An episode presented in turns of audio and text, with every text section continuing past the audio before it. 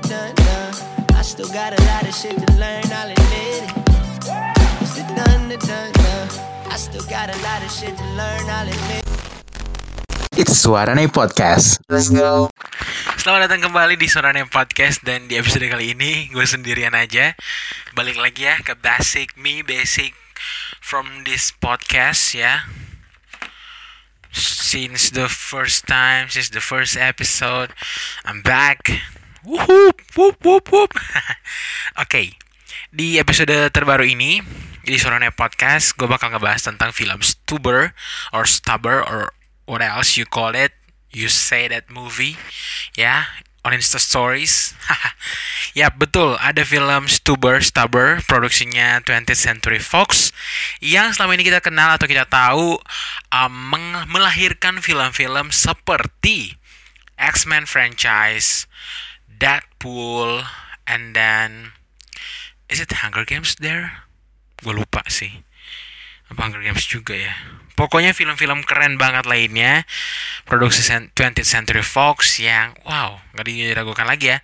Semenjak dia dibeli sama Disney gue nggak tahu perubahannya di mana. Tetapi Marvel ikut um, atau Disney ikut dalam memasarkan film-film produksi 20th Century Fox pastinya. Yap dan ini dia Stuber Stubber. Salah satu film terbarunya Action komedi yang baru tayang hari ini 24 Juli 2019 ya. Buat teman-teman yang mau nonton harus nonton. Nah kalau lu masih pengen tahu Atau lu butuh yang namanya saran Atau butuh alasan kenapa sih Lu harus banget nonton film Stubber ini Gue kasih tahu di podcast episode ini. Check this out. So Oke langsung kita mulai ya. Di sini. Jadi um, gue kasih tahu dulu dari sutradara dan juga penulisnya. Gue lupa namanya mereka siapa, tapi gue sedikit ya seperti biasa udah observasi dulu, udah research dikit, udah riset dikit tentang film ini. Dan dari sutradara dan penulisnya sendiri yang gue temukan di Google, mereka belum ada film yang personally gue belum tahu atau belum ada film dari salah satu dari penulis ataupun sutradaranya yang pernah gue tonton atau yang terkenal ya atau cukup kalian tahu lah ya gue belum tahu eh maksudnya belum ada film yang gue tahu ya yang ditulis sama atau di direct sama mereka berdua ini jadi em, terus lanjut maksud gue lanjut ke pemeran-pemerannya ya gila nggak usah diragukan lagi Kebanyakan orang Indonesia pengen nonton film ini sudah pasti dan jelas, obviously, clearly, crystal clear. Apaan sih? Film ini ditonton banyak, ditonton banyak um, penonton Indonesia sudah pasti karena seorang Iko Uwais yang turut berperan atau turut mengambil peran di dalam film ini yang didapuk sebagai seorang villain atau musuh besar musuh utama di film ini. Ya Iko Uwais ini menjadi seorang um, drug dealers atau penjual apa heroin begitu teman-teman um, yang di mana diperhadapkan dengan seorang polisi polisi biasa tapi badannya wow. Lu pada tau lah badannya Dave Bautista betul sekali ada Dave Bautista di sini yang menjadi protagonisnya kali ini ya. Dave Bautista yang di dalam um, kasusnya ini dalam pengejarannya dia dengan si Tejo yang diperankan sama Iko Uwais dipertemukan dengan seorang supir taksi online, super supir Uber maksud gue, supir Uber yang namanya Stu ya, yang diperankan sama Kumail Nanjiani. Betul sekali teman-teman, aktor um, kelahiran India kali ya. Dari namanya aja dan dari perawakannya dari logat-logatnya dari aksen-aksennya juga masih ada Indianya yang obviously hilarious hilarious funny ya a funny guy. So ini seru banget karena mereka berdua um, seorang polisi supir Uber yang butuh banget um, bintang 5 karena beberapa penumpang terakhirnya sebelum ketemu si Dave Bautista ini um, ngasih dia bintang satu.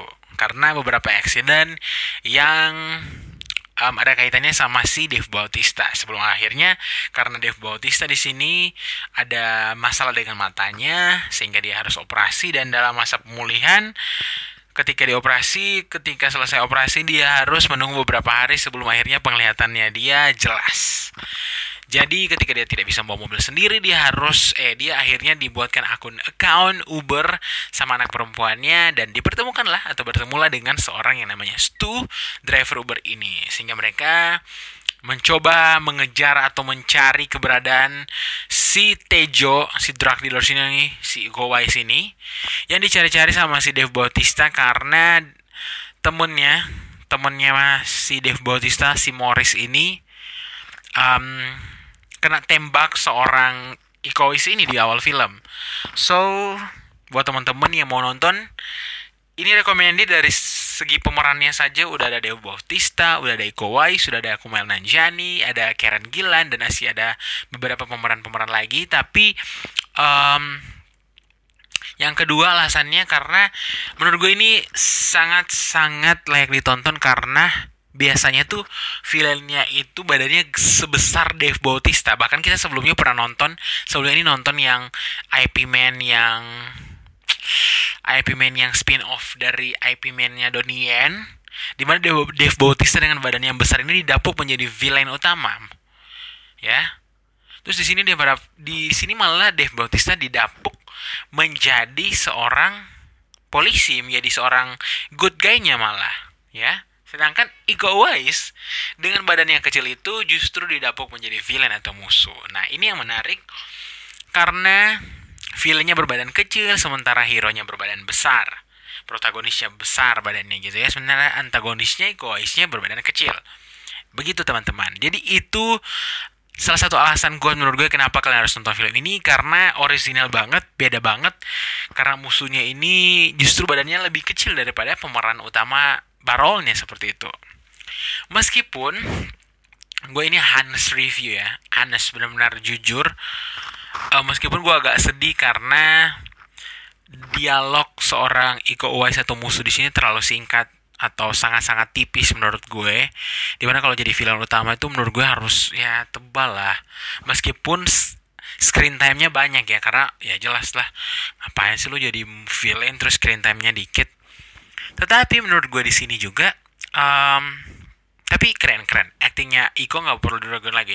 Cuman karakter Iko di sini menurut gue si Tejo ini um, sangat sangat mengingatkan gue terhadap uh, seorang tokoh yakni Tony Jaa ya. Mungkin karena sama-sama Asia kali ya Asia Tenggara apalagi.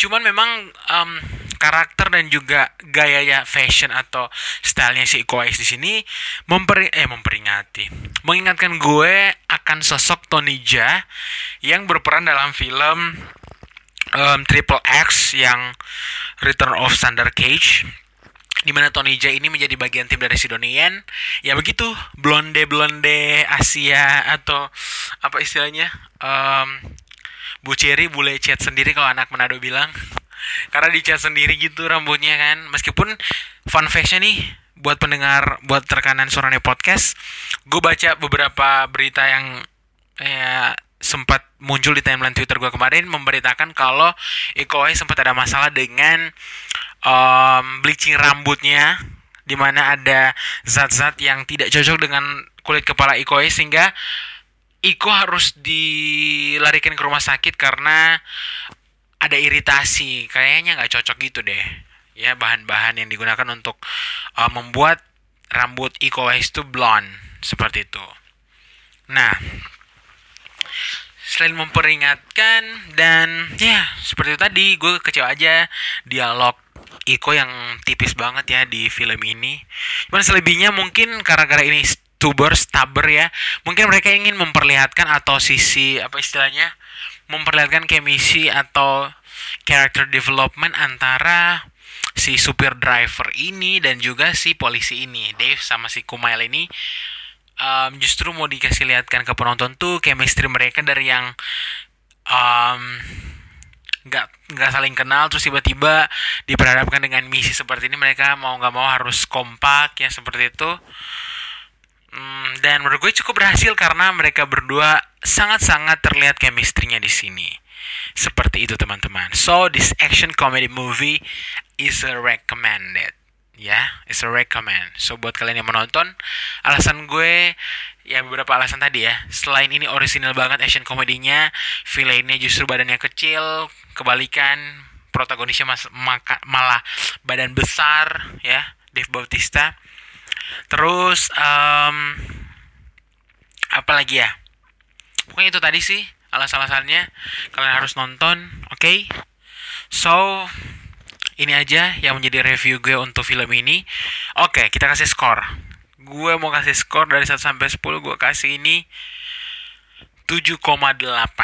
Yap, betul. Cuman gara-gara Iko Uwais-nya tipis di dialognya makanya gue kasih 7,8. Kalau dia bisa lebih tebal lagi dialognya, gue bakal kasih 8,2 atau 8,4 mungkin dari 10. So, buat teman-teman yang belum nonton, nonton segera kita support Iko Uwais kita ya. Di luar sana menurut gue ini suatu suatu batu loncatan yang sangat sangat hebat untuk suara Iko Uwais.